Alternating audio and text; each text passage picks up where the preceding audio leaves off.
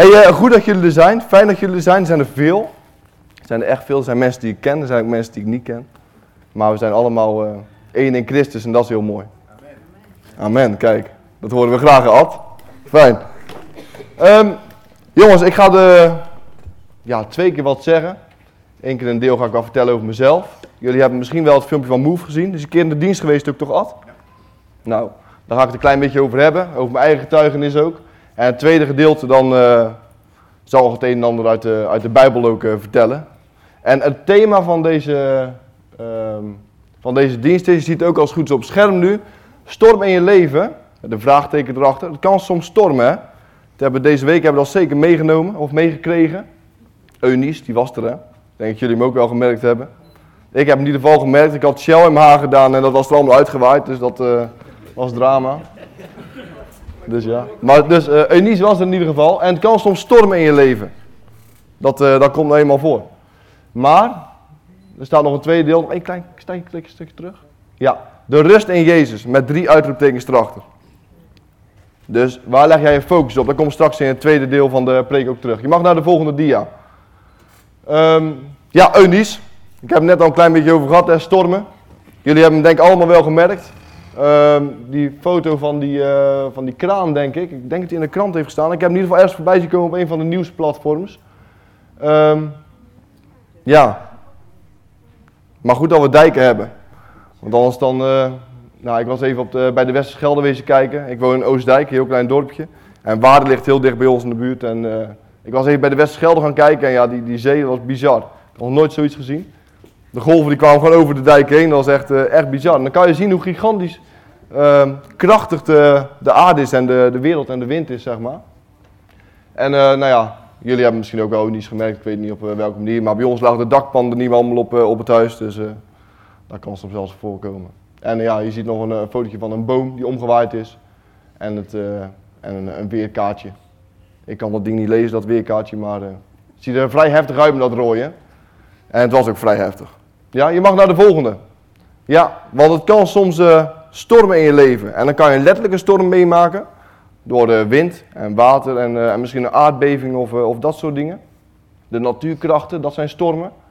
Maar een storm kan ook veel dichterbij komen. Een storm die kan namelijk ook in je eigen leven terechtkomen. En twintig jaar geleden, ik ben nu 27 en toen ik 7 jaar oud was, toen kwam zo'n storm die kwam redelijk dichtbij bij mij. En Um, ja, ik was eigenlijk een heel klein mannetje. Ik was een speler bij ons speelveldje op het dorp. Klein dorpje, 500 inwoners of zo, Oostdijk. Kom er zeker een keer langs. Ik ben er binnen een minuut weer uit. Zo kort is het, zo klein is het. Maar um, ja, ik was aan het spelen en op een gegeven moment, het was op een woensdagmiddag. Ik moest om vijf uur moest ik afzwemmen voor mijn A-diploma. Ik weet nog heel goed. Ik zei om kwart over vier, zei ik tegen mijn moeder, ik ga nog even spelen op het speelveldje. 100 meter verderop. Ja, op woensdagmiddag en de scholen zijn vrij. Dus de kinderen die spelen daar zo. Wij waren altijd buiten. Ik was ook altijd buiten, politie en boef, uh, soldaatje, noem maar op. Ik het spelen en op een gegeven moment struikel ik en ik kom ja, redelijk hard op mijn zij terecht hier zo, op mijn linkerzij. Het deed vet veel pijn. Nou, als klein mannetje van zeven jaar natuurlijk alles pijn. Misschien ouders die herkennen dat wel eens, maar ja. En uh, ik kon niet zo snel overeind krabbelen. En uh, ja, op dat moment waren ze ja, van de gemeente waar ze gras aan het maaien, zo'n grote zitmaaier. Ja, en die man die zag mij niet liggen. En dan zou je zeggen, waarom zag hij mij niet liggen? Dat kwam omdat er aan de rechterkant van mij, of de rechterkant van die man, stond een sloot. En om die sloot stonden paaltjes heen. En was om die paaltjes aan het heen maaien. Dus hij keek niet voor zich waar ik lag, maar hij keek rechts van zich. Dus hij zag mij niet en dan ging zo dwars overheen. Veel kapot gegaan. Echt veel kapot gegaan. En dan kan zo'n ongeluk, dat, zo'n storm, die kan opeens super dichtbij komen. Want uh, ja, dan komt je opeens in je eigen leven. En hoe ga je er dan mee om? Dat is natuurlijk een hele goede vraag. Ga je bij de pakken neerzitten? Ga je zeggen van, uh, ja, allemaal vertrouwen, alles wat ik kon. Ik kon voetballen, ik kon, noem maar op allemaal. Als ik geen ongeluk had gehad, was ik gymdocent geweest. Waarschijnlijk. Want mijn broer en mijn, uh, en mijn broers en mijn zusje en mijn broertje en mijn vader, allemaal gymdocenten. Dus ik denk dat ik dat ook al was geweest dan. Ja, dan gaat er op een gegeven moment gaat er een streep doorheen. En hoe ga je met die streep om? Waar haal je hoop vandaan? Waar haal je je kracht dan nog vandaan? Als je echt niks meer hebt. Ik lag op dat grasveld en het zag er niet goed uit. Ik, uh, mijn benen hebben ze later in het ziekenhuis moeten amputeren, moest eraf. Mijn duim ben ik kwijtgeraakt, maar ja, ik heb het al gezegd, die zijn al in de hemel, dus uh, die wachten al op me, dat komt goed. Um, ja, maar het zag er niet goed uit. Ik ben met een traumhelikopter, ik heb het op het plaatje gezet op de dia. Bij mijn traumhelikopter ben ik naar Rotterdam gebracht. Hebben ze me, ja, wat zal het zijn geweest? Een week, tien dagen op de IC gehouden, kunstmatig in coma. Hebben ze gekeken van, nou, wat kunnen we hier nog aan doen? En ik kwam daar binnen, dat vond ik zo bijzonder. Dat heb ik later gehoord van mijn vader en moeder. En die dokters daar zo, was heel, ja, echt een heel team van artsen en verplegers en weet ik veel allemaal wat. Die dokters daar zo, die, eh, die geloofden niet in God. Maar die hadden al in de gaten, dit gaat niet zo goed. Dus uh, ik kwam daar binnen en uh, ze hebben eerst dat bloeden gestopt. Dat was het meest urgente. Dat was het meest heftig eigenlijk, zeg maar. En op het moment dat ik stabiel lag, zijn ze gekeken, wat is nou eigenlijk de schade? Ze hebben dus scans gemaakt en noem maar op. En, en ja, dat been moest worden geamputeerd. Mijn duim moest eraf. Een heleboel functies van mijn hand zijn uitgevallen. Een heleboel dingen. En dat is, ja, om zo maar even te zeggen, materiële schade. Ja, lichamelijke schade, dat gaat nou zomaar. Toen kwamen ze op een gegeven moment, want het was niet alles, want het was een heel stuk van mijn schedel was die weggeslagen. En dat is niet zo best. Nee. Want uh, mijn hersenen lagen gewoon bloot bij het ongeluk. En die hebben een tik gekregen, de rechterhelft van je hersenen, en dan kwam een klein stukje biologie. De rechterhelft van je hersenen bestuurt de linkerhelft van je lichaam en andersom. Dus je linkerhelft van je hersenen bestuurt de rechterhelft van je lichaam. En omdat het bij mij hier kapot was, ja, het is heftig inderdaad. Dat klopt, ja. ja. En als uh, rechts kapot was, kan ik dus de linkerhelft van mijn lichaam minder goed gebruiken. Nou, ik heb nu een trui aan, maar als ik een hemdje aan zou hebben, dan zou je het ook kunnen zien aan mijn armen. Rechts is heel sterk, kan ik alles mee. Links kan ik niet alles meer mee. Is ook wel sterk. Word je vanzelf word je sterk natuurlijk in een rolstoeltje, maar daar kan ik niet alles mee mee. En uh, toen die dokters dat zagen, die hersenschade, toen zei ze eigenlijk, dit is echt heftig. Toen zijn, uh, is er een, uh, een, zuster naar mijn vader en moeder toe gegaan. En die zei, ehm, gezien de schade in zijn hoofd van Sjoerd, ja dan, eh, ik weet niet of jullie in God geloven, zei ze. Maar dan zou ik maar in God gaan, dan zou ik maar gaan bidden. En dat vond ik zo mooi en daarom kwam ik net op. Die dokters, heel het team, die geloofden niet allemaal in God, een aantal wel. Maar ze hadden zoiets van, we moeten nu ervoor zorgen, of niet, we moeten iets aanroepen. Als er een hogere macht is, als er een God is, dan moeten we die, daar nu naar gaan bidden. Dus met z'n allen hebben ze om mij heen gebeden. Terwijl ik dan op de tafel lag. Ja, dat is bizar hè? Oh, ik vind dat zo mooi. Ze geloofden helemaal niet in God en ze gingen bidden voor mij. Omdat ze zoiets hadden van, dat hebben we nu nodig. Ja. En toen, uh, zoals ik al zei, tien dagen op die zee hebben ze een heleboel operaties gedaan. Eigenlijk een heleboel dingen gedaan om mij in leven te houden. Want ik lag echt op het randje van de dood. Menselijke wijs gezien had ik het niet overleefd. Echt totaal niet. En als ik het zou overleven, dan zou ik iemand zijn die verstandig gehandicapt zou zijn. Waar hele dagen voor zou moeten zorgen. Dan moet je eens kijken waar ik nu zit. Wat er nu gebeurd is. Dan, dan kan je toch niet anders zeggen, dat moet een God zijn. Dat kan niet anders. Dat is zo bizar. Maar goed, dus ik werd, uh, na tien dagen hebben ze de slaapmedicatie hebben ze afgebouwd. Ik werd helemaal plat gespoten. Want ik was een vechter, ik wilde weer naar de oppervlakte werken. Ja, dat uh, lukte niet, zeg maar, omdat ik echt werd plat gespoten. En na tien dagen hebben ze die slaapmedicatie afgebroken. Toen hebben ze gekeken naar hoe wordt hij nou wakker. Hoe wordt Sjoerd wakker? Wordt iemand die verstandig gehandicapt is? Wordt hij überhaupt nog wakker? Echt bizar. En uh, toen werd ik wakker en ik herkende mijn vader en mijn moeder. En ik kon kleine dingetjes doen. Als ze zeiden van, weet je, als je dit voelt, knijp in mijn hand. Kon ik. Dus ik, er was een bepaalde connectie weer. En dat was zo'n gigantisch wonder. Toen zeiden die dokters, als je niet in God zou geloven... Stel je zou niet in God geloven, dan zou je het nu spontaan gaan doen. Omdat we dit niet kunnen verklaren. Ze noemen het een medisch wonder. En we hebben daar een ander woord voor. Medisch moet je gewoon weglaten. Dat is een wonder. Is echt, ja inderdaad. Ze zeggen het is een medisch wonder, maar echt helemaal niet. Het is gewoon een wonder. En dat laat zien hoe gigantisch, um, hoe gigantisch machtig en krachtig de duivel is. Die heeft geprobeerd om mij, uh, ja, die had andere plannen denk ik, maar God heeft andere plannen. En die zorgt ervoor dat ik hier nog ben en dat ik dit mag vertellen bij jullie. En ik doe het, ja, ik heb geweldig werk en ik, uh, ik mag zulke mooie dingen doen. Ik mag getuigen, ik mag laten zien hoe groot en hoe goed God is. Ja, en maar die stormen, hè. Op 15 mei gebeurde het. Dit jaar, 15 mei 2022, is 20 jaar geleden dat gebeurde. 1 over half 5. En ehm, ja, die storm die kan dichtbij komen. Niet alleen bij mij. Bij mij komt die lichamelijk heel dichtbij. Maar mijn vrienden, mijn ouders, mijn familie, mijn kennissen, heel het dorp. Waar mijn 500 man en mijn heel het dorp stond op de straat. Dus die storm die kwam niet alleen bij mij dichtbij, maar die kwam bij iedereen dichtbij. Bij de mensen om me heen. En dan nogmaals, dan ga ik terug naar het begin. Hoe ga je met die storm om? Waar haal je vertrouwen uit? Waar leg je de focus op? En dat is eigenlijk het, tweede gedeelte wat terugkomt. Of het tweede gedeelte van uh, mijn preek. Ik wil helemaal niet preken, ik spreek. Maar uh, daar ga ik straks nog een beetje over terug. Want in de Bijbel kwam het namelijk ook voor. Mensen die stormen meemaakten. En uh, ik weet niet hoe lang ik al praten ben, Eddie. Moeten we naar de pauze of... Kunnen we nog even door? Ah, dat, is mooi. Heel goed. Ja joh, ik, ik moet de tijd in de gaten houden, want er is zoveel te vertellen. Ik kan hier denk ik al tien preken over houden. Maar dat gaan we niet doen natuurlijk, want jullie willen ook naar huis toe. Um, ja, ik moet even terug naar het, naar het ziekenhuis. In het uh, ziekenhuis, ik heb tien dagen op die zee gelegen, toen werd ik wakker. Daarna ben ik, natuurlijk, uh, ja, het was een gigantisch wonder dat ik nog, nog leefde. Toen ben ik naar naar de afdeling gegaan, hebben ze nog een heleboel operaties gedaan om mijn leven, ja, niet meer om mijn leven te houden, want ik was eigenlijk stabiel. Maar het waren wel redelijk heftige operaties. Zat er bijvoorbeeld nog een beetje gras onder mijn schedel. Ze hebben dat, die, dat huid hadden ze weer weggedaan. Er zat nog een beetje gras onder, ging, ging ontsteken. Een soort dingetjes, nou dat moest er even worden geopereerd. Ja, moest even worden gedaan. Maar ze had ergens achter de rug voor, uh, voor hun. Dus, uh, ja. En dan lig je op de, op de afdeling en ja, natuurlijk hele lieve zusters. Zuster Mirjam, zuster Olga, met de grote oorbellen en noem maar op. Ik weet het allemaal nog. En, ja. Maar dan ga je opeens alles weer opnieuw leren gebruiken. Tenminste, ja, je komt opeens in een rolstoel te zitten, je kan niet meer overal naartoe banjeren, je kan niet meer rondlopen, je kan niet meer rennen. Maar gelukkig kan je nog wel heel veel andere dingen doen, dat is dan wel fijn. Maar uh, ja, toen naar, naar, het ziekenhuis gegaan, op de afdeling gelegen, anderhalve maand op de afdeling gelegen. Een ruime maand. Daarna ben ik gaan revalideren. Ik heb drie maanden gerevalideerd op het, uh, in in uh, Rotterdam. Het revalidatiecentrum, 24 uur revalidatie is dat. En mocht ik op een gegeven moment het weekend naar huis toe. En toen ben ik ongeveer vijf maanden ben ik niet thuis geweest. Ja, het weekend dan op een gegeven moment, weekendverlof, dat dan weer wel. En uh, ja, dan kom je thuis en dat is natuurlijk één groot feest altijd, dat snap je wel.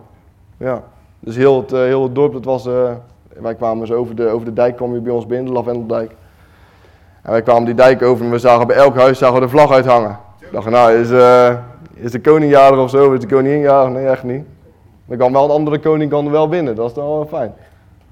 En uh, dus de vlag ging uit en een groot feest en het hele dorp was opgetrommeld. En... Maar vervolgens dan, ja, dan kom je weer thuis. En dan moet je ook weer door. Je hebt geen twee poten meer. En uh, ja, je hebt gelukkig wel een stoeltje. Dat wel, dus je komt overal weer.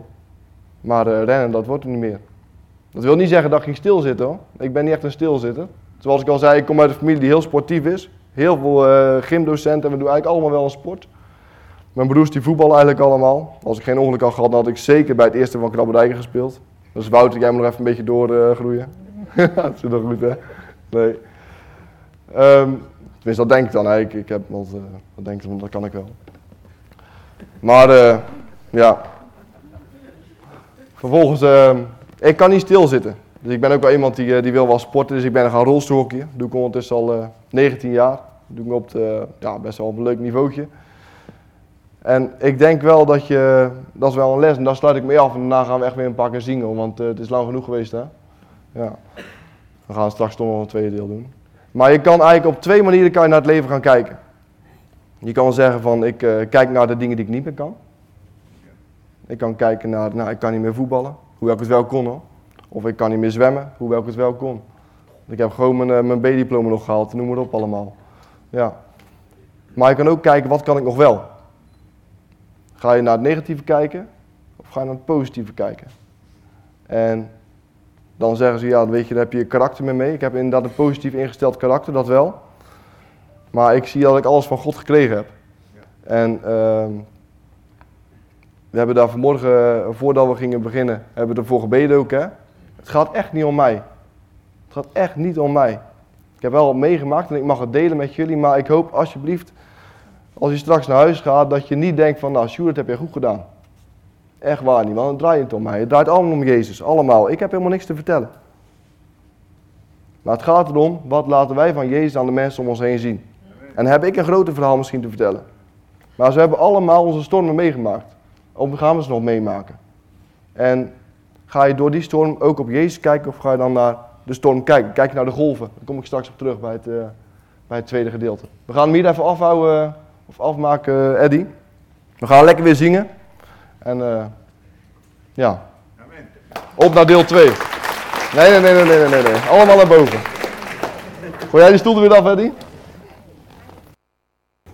Ik weet niet hoe het met jullie zit, maar uh, die liederen komen wel even binnen. Zo. En we hebben niks met elkaar afgesproken, hè? Echt waar niet. Ik heb ze niet gesproken, de muzikanten. Maar, uh, ja, ik, wat waren nou de laatste twee nummers, joh? Even kijken, want ik heb, had die foto doorgestuurd, toch, Annemarie? Ja. Ja, even kijken, hoor. Oh, dat is de verkeerde.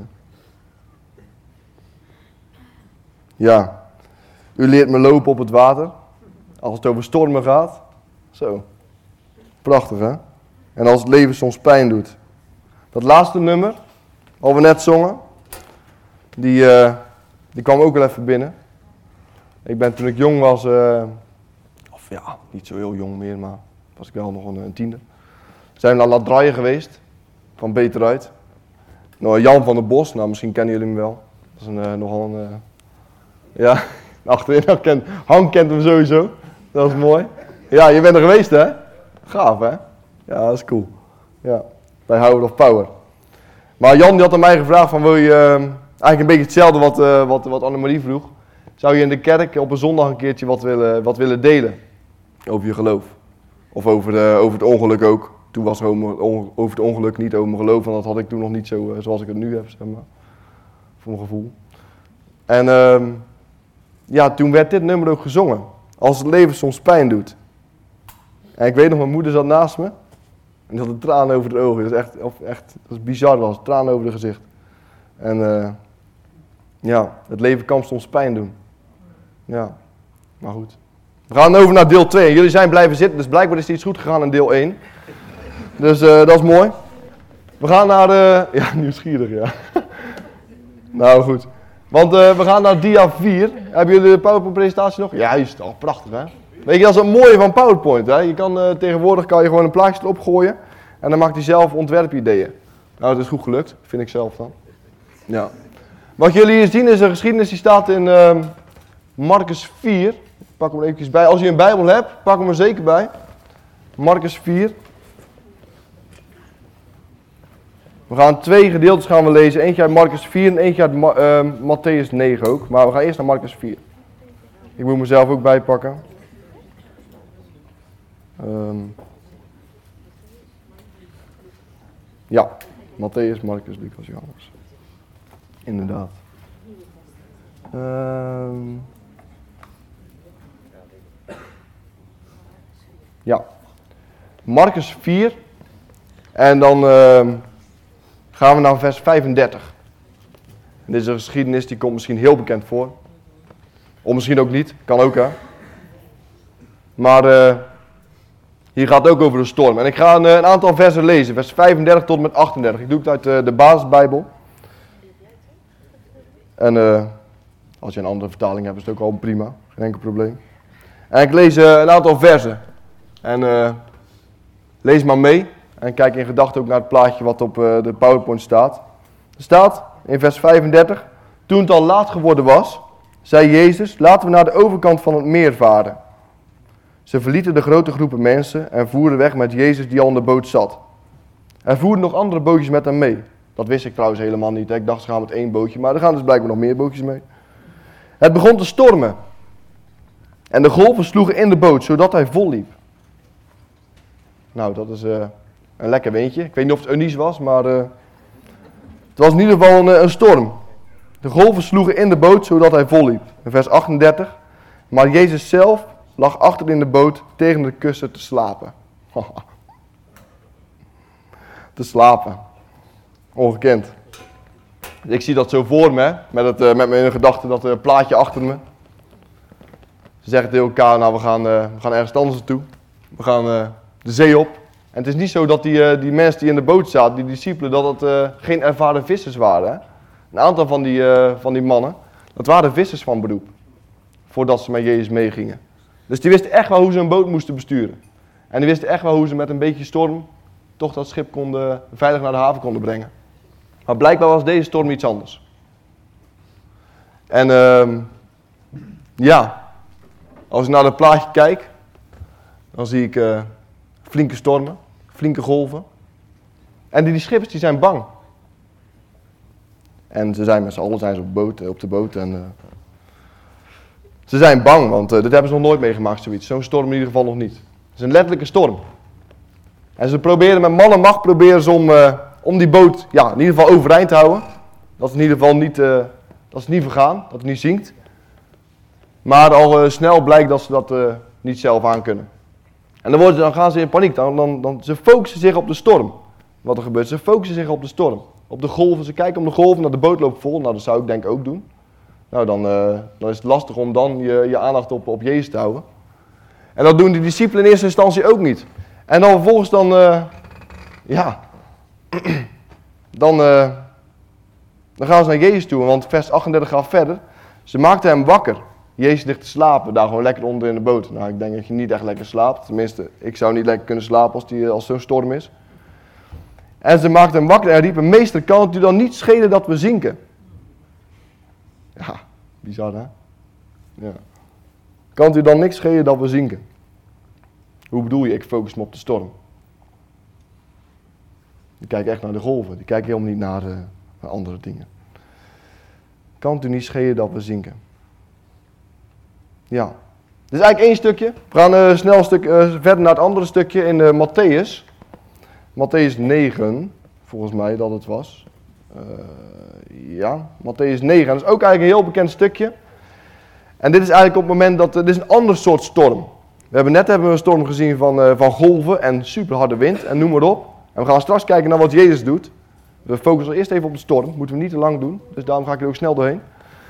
Um, en nu gaan we naar een ander soort storm toe. Want nu gaan we naar een storm die in je hoofd kan plaatsvinden. Of die je kan overkomen opeens. En um, je mag naar de volgende dia. Kijk. Matthäus 9. En um, ik ga naar Matthäus 9 vers 18. En dit is de geschiedenis dat uh, het dochtertje van Jairus, dat hij net is overleden. En ik kan me zo voorstellen dat... Je als vader, en ook als moeder zeker, als ouders, op het moment dat zoiets overkomt, dat je ten einde raad bent, dat je niet meer weet wat je dan zou doen. Je kan het moeilijk voorstellen, en gelukkig kan je, misschien niet voorstellen, misschien heb je het wel voorgesteld.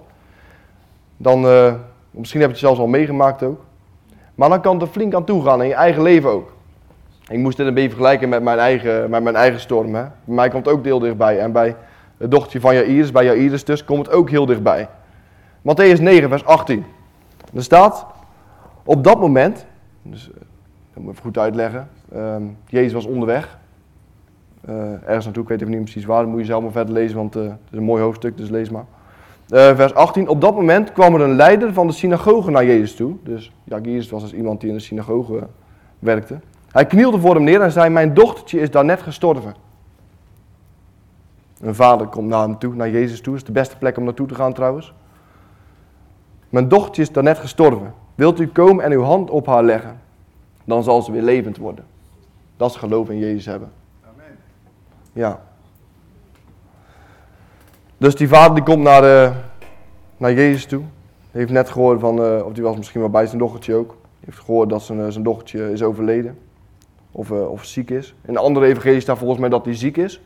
En dat, uh, dat er op een gegeven moment, als hij in gesprek is met Jezus, dat dan een van zijn dienstknechten of een van zijn bodes naar hem toe komt en zegt van nou, wat, wat, hou je de meeste, wat uh, val je de meeste nog lastig, want uh, uw dochter is overleden.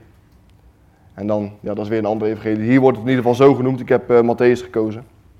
Waar het om gaat is in ieder geval, Jairus gaat naar Jezus toe. Met zijn problemen, met zijn stormen. En nogmaals, dat is de beste plek om, om ergens naartoe te gaan, om naar Jezus toe te gaan op het moment dat het moeilijk is. Niet alleen op het moment dat het moeilijk is. Al is dat wel makkelijker. Op het moment dat het even tegen zit, ja, waar haal je dan je hoop uit? Uit Jezus, uit je geloof. Maar ook op het moment dat het goed gaat met je. Dat je gezegend wordt en dat, ja, dat je dingen van God krijgt. Ook dan moet je naar Jezus toe gaan om te danken. En dat vergeten wij heel vaak. Tenminste, ik vergeet het wel heel vaak. Ik weet niet hoe met jullie zit, maar ik wel. Jairus komt naar Jezus toe en hij zegt, mijn dochtertje is gestorven. Wilt u op haar komen en op haar handen op haar leggen? dan zal ze weer levend worden. Dat geeft ook een stukje vertrouwen. En ehm, ja, ook een mooi plaatje, vind ik zelf. Jezus die bij, uh, bij Jairus is, of bij uh, dat dochtertje van Jairus is. En uh, die naast haar zit. Laat iets heel kwetsbaars zien ook. Hè? En heel, ja, een stukje ontmoeting eigenlijk van, van Jezus die, die naar ons toe komt. Ik vind dat heel mooi, ik vind het heel bijzonder. Um, en dan gaan we eigenlijk kijken naar de antwoorden die Jezus geeft. En dan mag je naar de volgende dia gaan. We gaan eerst even naar die andere storm. De storm op het meer. En uh, ja, even kijken, moet ik weer even de goede tekst erbij pakken. Oh ja. We hadden 35 tot en met 38 gelezen. En we gaan naar Marcus 4, vers 39. Daar staat namelijk het antwoord dat Jezus geeft. Dus de discipelen die komen naar hem toe die zeggen van, weet je, Jezus, kan het, dan niet, eh, kan het u niet schelen dat we vergaan, dat we zinken, dat we doodgaan? En dan komt Jezus, Jezus werd wakker. Hij lag blijkbaar nog steeds te slapen. Nou ja, hij werd wakker en hij zei streng tegen de wind en het meer, zwijg en wees stil. Ik heb het ook op, het, uh, op de dia gezet. Zwijg en wees stil. Hij spreekt met autoriteit. En, um, en de wind ging liggen en het water werd helemaal rustig. Dat laat zien waar de kracht zit. De kracht van God, de kracht van Jezus. De kracht die nu nog steeds is. Amen. Ja, echt waar. Want uh, die is nog steeds. Zonder die kracht was ik er namelijk niet meer geweest. Vind ik best bizar. Als Jezus niet was geweest, dan was ik hier ook niet meer geweest. En uh, wij allemaal, denk ik trouwens helemaal niet.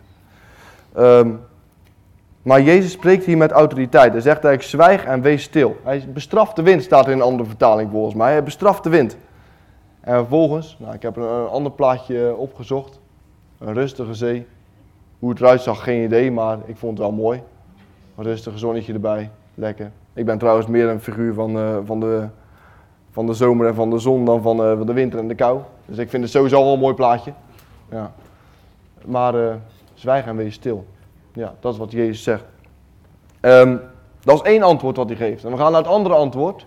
Over de, het dochtertje van, uh, van Jairus. Ik heb die tekst heb ik er ook opgezet. Uh, moet ik hem ook even hier weer pakken? Oh nee, dat is gewoon exact hetzelfde. Staat bij. Um, want op een gegeven moment dan is Jezus komt in het huis van Jairus. En als hij daar aankomt, dan. Ja, dat is eigenlijk één groot drama, zouden wij kunnen zeggen. Mensen die huilen, mensen die verdrietig zijn. Ja, logisch ook, want er is een klein kind is er overleden. Of een klein kind, ik weet niet hoe oud het is, er staat volgens mij ook in de Bijbel. Maar als het over een dochtertje gaat, denk ik dat hij heel oud is geweest. Um, zij komt er in het huis en superveel verdriet. Nou, op 15 mei 2002 was er ook heel veel verdriet in Oostdijk, dat kan ik wel zeggen. Heel veel onzekerheid. En uh, dat was daar denk ik ook zo. En dan komt Jezus binnen. En Jezus die laat zich er niet door beïnvloeden. En hij gaat naar die mensen toe en stuurt ze allemaal weg uit huis. En hij zegt van weet je, je hoeft niet bang te zijn. Ga weg, want het meisje is niet dood, ze slaapt. Best bizar hè? Als wij kijken naar de dood, dan is het heel definitief. En het is ook heel definitief. Maar Jezus kijkt er anders naar. Jezus kijkt naar de dood alsof het slaap is. En daarom zeggen we ook, als wij sterven, dan sterven wij niet, maar wij leven eeuwig verder. Tenminste, dat hoop ik dat je kan zeggen. En um, ja, dan, dan zou je dus slapen. Sommige mensen laten zetten op een uh, grafsteen volgens mij van, uh, en hij ontsliep. Dat staat ook in de Bijbel verschillende keren.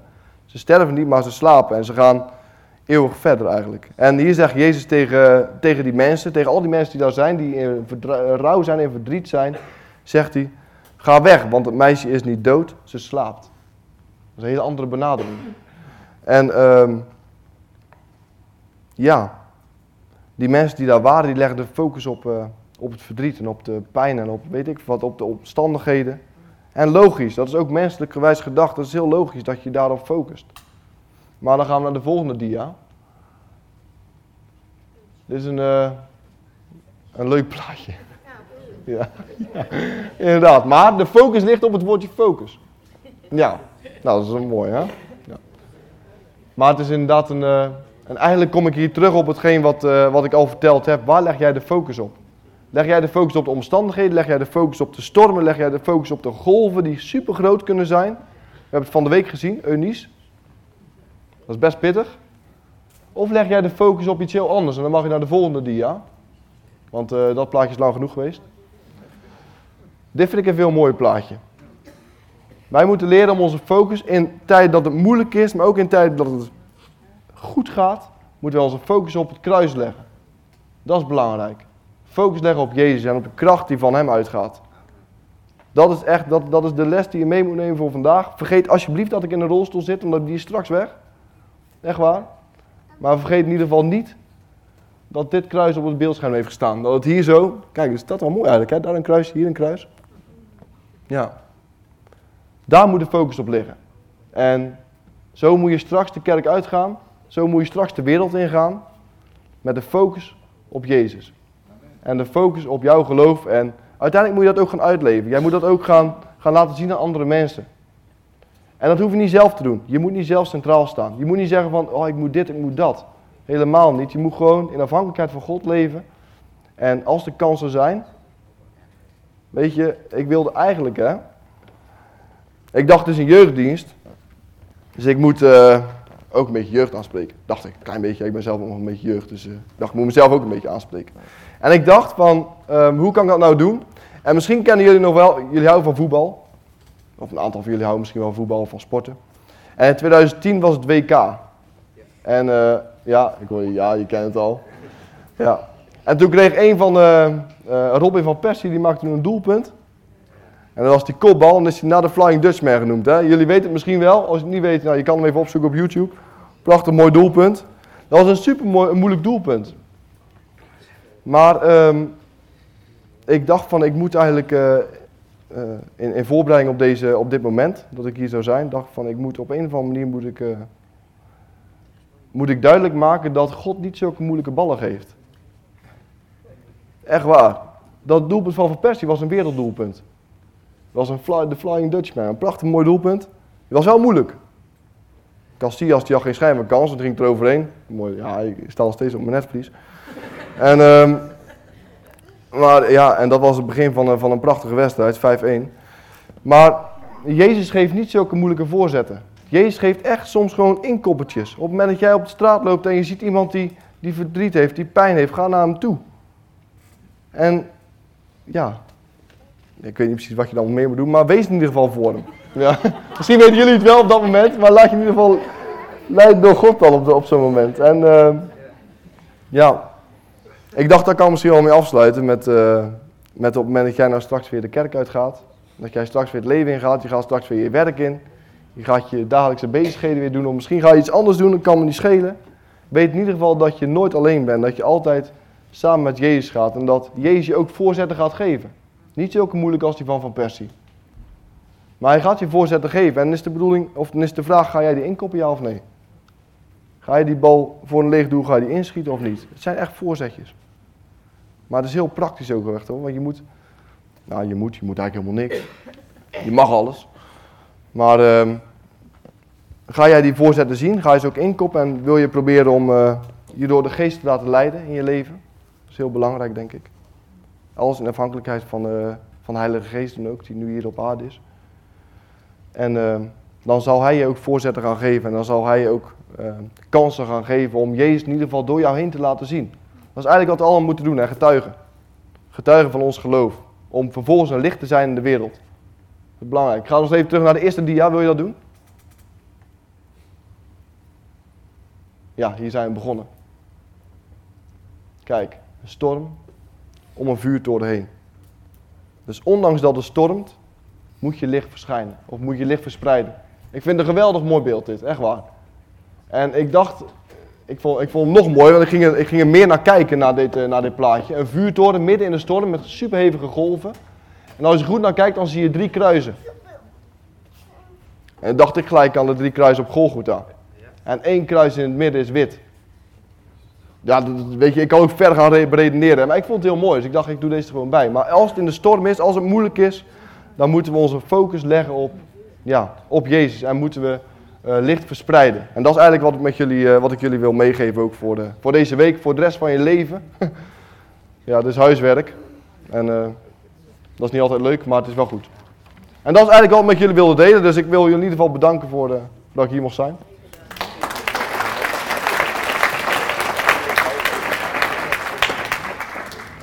Ik zal deze maar even... Ja, laat maar even liggen, joh.